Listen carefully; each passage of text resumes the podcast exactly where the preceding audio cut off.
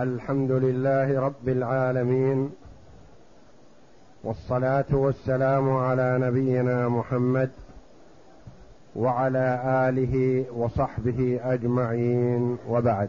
بسم الله بسم الله الرحمن الرحيم.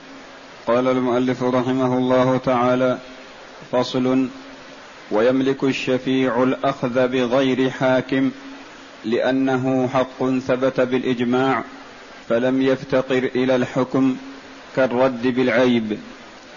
قول المؤلف رحمه الله تعالى فصل أي في أخذ الشفيع الشقص وكيف يأخذه وهل يلزم بحكم حاكم أو لا وهل يلزم رضا المشتري أو رضا البايع وإذا رفض المشتري الأمر أو رفض الاستلام فما الحكم؟ كل هذه يبينها المؤلف رحمه الله تعالى في هذا الفصل. فقوله رحمه الله ويملك الشفيع الأخذ بغير حاكم يعني أنه يؤول الشقص إلى الشفيع بناء على طلبه رضي المشتري أو لم يرضى رضي البائع أو لم يرضى ولا يحتاج إلى الرفع للحاكم الشرعي ليحكم بذلك. إذا قال أخذته بالشفعة أو لي الشفعة أو أنا مشفع فيه أو نحو ذلك أي عبارة أدت الغرض فإنه يؤول إلى الشفيع فيأخذه الشفيع من المشتري رضي المشتري بهذا أو لم يرضى. قال لأنه حق ثبت بالإجماع المبني على النص قول النبي صلى الله عليه وسلم. فلا خلاف في أحقية الشفيع في الشخص رضي المشتري أو لم يرضى. فلم يفتقر إلى الحكم لأن المسائل الخلافية تفتقر إلى حكم حاكم.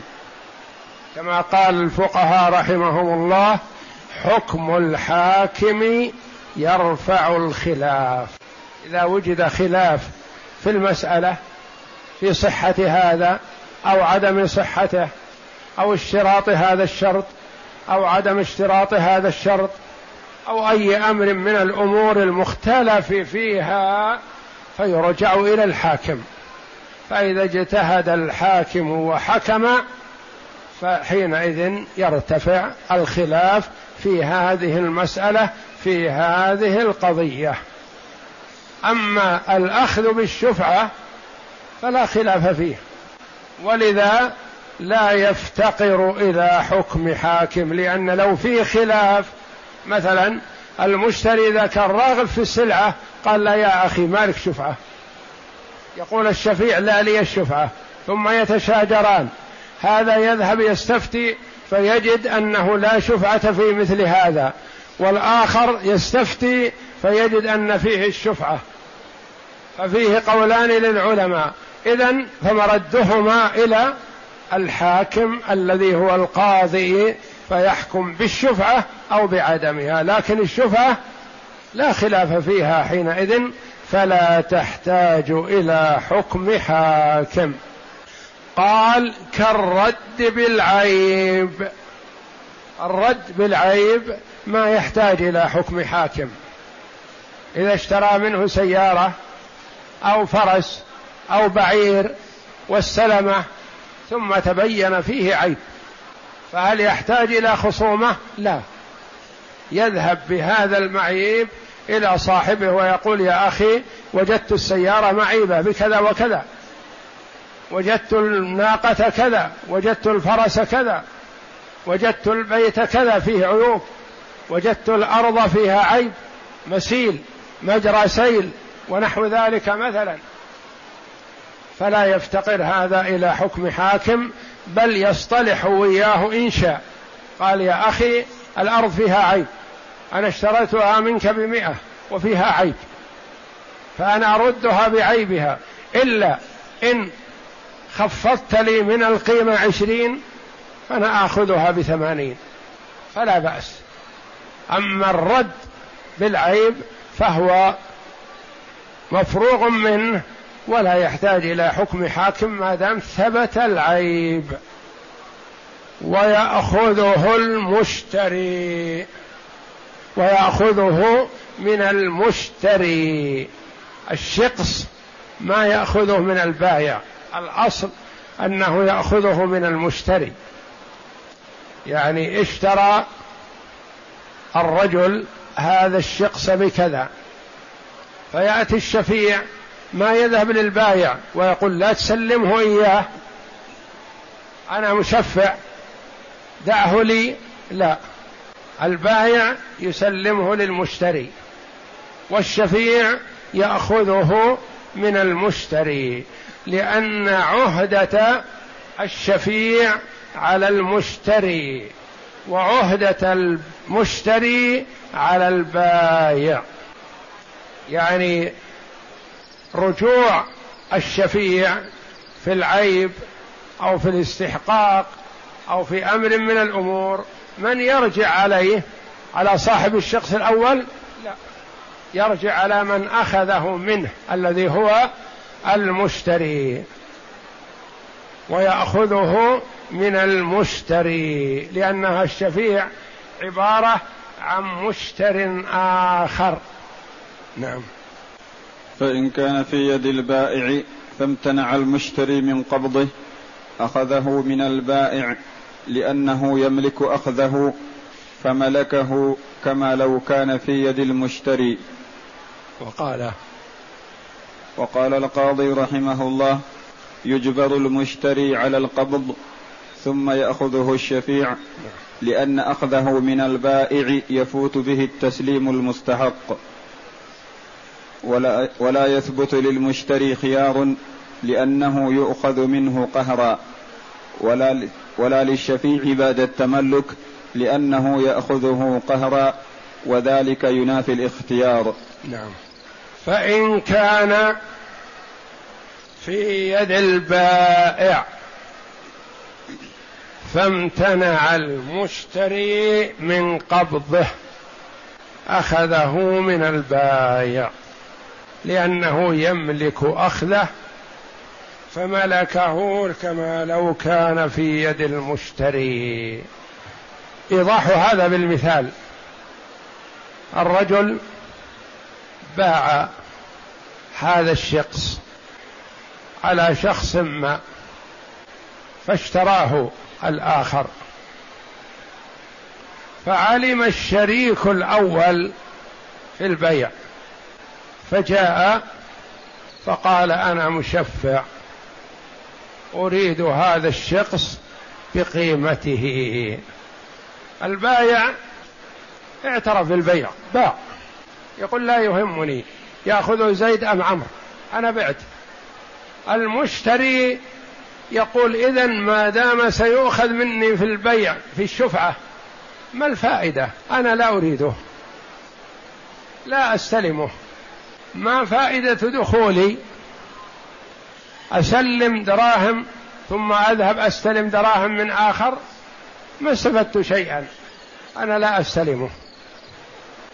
المذهب على أن الشفيع يأخذه من البائع ما دام البائع معترف بالبيع والمشتري معترف بالشراء لكن يقول لن أستلم. ما لي فائدة من هذا الاستلام. فالشفيع ياخذه من البايع ويسلم القيمه. يقول القاضي ابو يعلى رحمه الله من ائمه الحنابله ابو يعلى الكبير وابو يعلى الصغير اثنان. ويقال أن بينهما قرابة ثمانين سنة. الصغير ابن للكبير وكلاهما فقهاء رحمهم الله من أئمة الحنابلة. كأنه ولد قبيل وفاة أبيه عن عمر يزيد عن الثمانين. القاضي أبو يعلى رحمه الله يقول يجبر المشتري بالاستلام حتى تكون العملية متسلسلة على وفق الشرع. يقال استلم من البايع. فإذا استلمت من البايع فسلم الشفيع. استلم من البايع وادفع القيمة. وسلم الشفيع واستلم القيمة. يقول يجبر. المذهب يقولون ما فائدة إجباره؟ يقول أبو يعلى يفوت التسليم والعهدة لأن الشفيع لا وجه له على البايع. الشفيع يأخذ من المشتري وأي حق له أو نقص أو عيب يرجع على المشتري. والمشتري يرجع على البائع فإذا قلنا للشفيع خذ من البائع سقط وجد ثغرة في السلسلة. الشفيع ما اشترى من البائع وإنما اشترى من المشتري والمشتري تنصل يقول يجبر. يقال هذه العملية لا بد أن تمضيها ما دام أنك اشتريت فلا خيار لك. وكذلك قوله فلا خيار للمشتري لو قال المشتري أنا لا أريد هذه الشراء ولا أريد هذه السلعة ما دام أنها ستؤخذ مني ما الفائدة؟ لا أريده. يقول ما دام تم البيع فلا خيار لك في نقض البيع وعليك أن تستلم وتسلم. وقال القاضي يجبر المشتري على القبض لأنه اشترى. ثم يأخذه الشفيع منين؟ من المشتري. لأن أخذه من البايع يفوت به التسليم المستحق فالشفيع له حق على المشتري استلام البضاعة يستلم منه. الشفيع يستلم من المشتري والمشتري يستلي يستلم من البايع. ولا يثبت للمشتري خيار ليس له خيار في رد المبيع.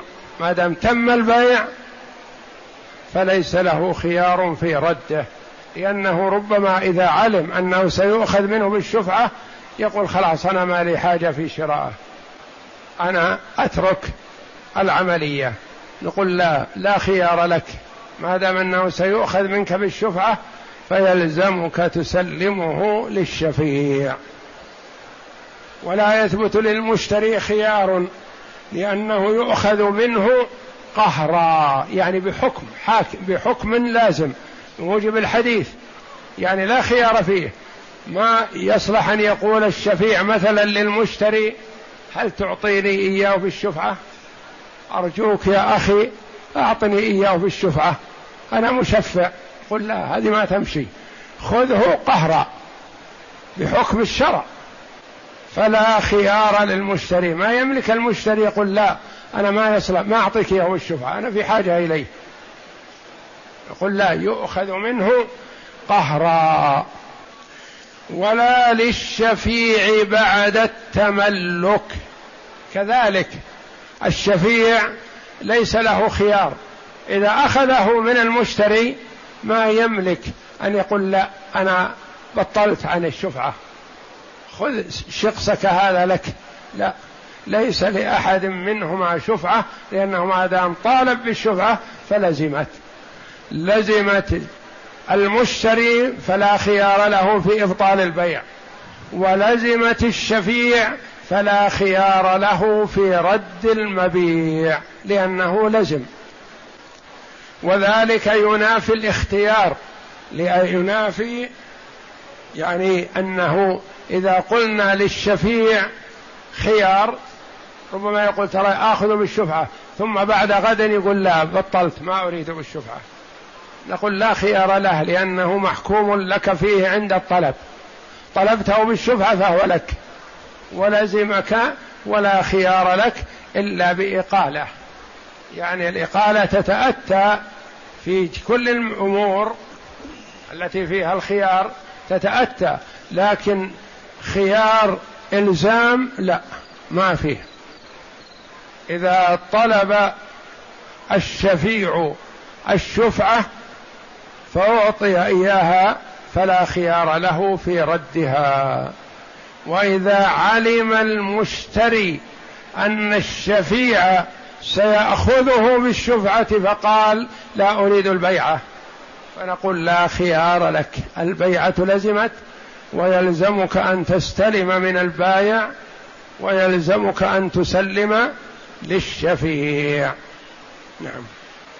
ويملك ويملك الرد بالعيب لأنه مشتر ثان. الشفيع قلنا لا خيار له في رد المبيع لكن تبين في المبيع عيب. نقول لا خيار له في رده؟ لا. العيب يوجب الرد. فلا يمتنع من الرد إذا وجد العيب. لكن الرد خيارا لا. ويملك الرد بالعيب. مثلا اشترى شخص من بيت. فجاء الشريك الآخر وقال أنا أشفع فيه. فأخذه من المشتري. ثم بعد هذا يقول هذا الشخص أنا اهدبه قبل خمس سنوات أو عشر سنوات جاء ووجده معيب. فيقول أنا اخذته بالشفعة على أساس أنه سليم فإذا به عيب فهل يملك الشفيع الرد بالعيب؟ نعم يملك. من يرده عليه؟ على المشتري. ثم المشتري بالخيار. له خيار العيب. إن شاء رده على البايع وإن شاء أمسكه بعيبه وأخذ ارشه نعم. لأنه مشتر ثاني. الشفيع مشتر ثاني. وذلك أن البايع باع على المشتري. ثم الشفيع أخذه من المشتري فهو بمثابة مشتر آخر. اشترى من المشتري. نعم. ويملك الرد بالعيب لأنه مشتر ثان فملك ذلك كالأول. مثل المشتري الأول إذا وجد في السلعة عيبا فله الرد بالعيب. نعم. وإن خرج مستحقا رجع بالعهدة على المشتري لأنه أخذه منه على أنه ملكه.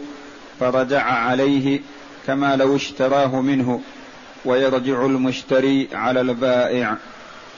فإن بان مستحقا. قاعدة عند الفقهاء رحمهم الله يقولون إذا أقيم دعوى في شيء ما تكون الدعوى على من بيده العين. الدعوى على من بيده العين. المشتري اشترى هذا الشخص. ثم جاء الجار الشريك وانتزعه بالشفعة منه. فصار الشخص بيد الشفيع. منين أخذه؟ من المشتري. والمشتري منين أخذه من البايع والبايع أصبح غير مالك. ما هو مالك حقيقة المالك غيره. فجاء المالك الحقيقي يدعي يدعي على البايع؟ لا ما بيده شيء. يدعي على المشتري؟ لا ما بيده شيء. من يدعي عليه؟ يدعي على الشفيع.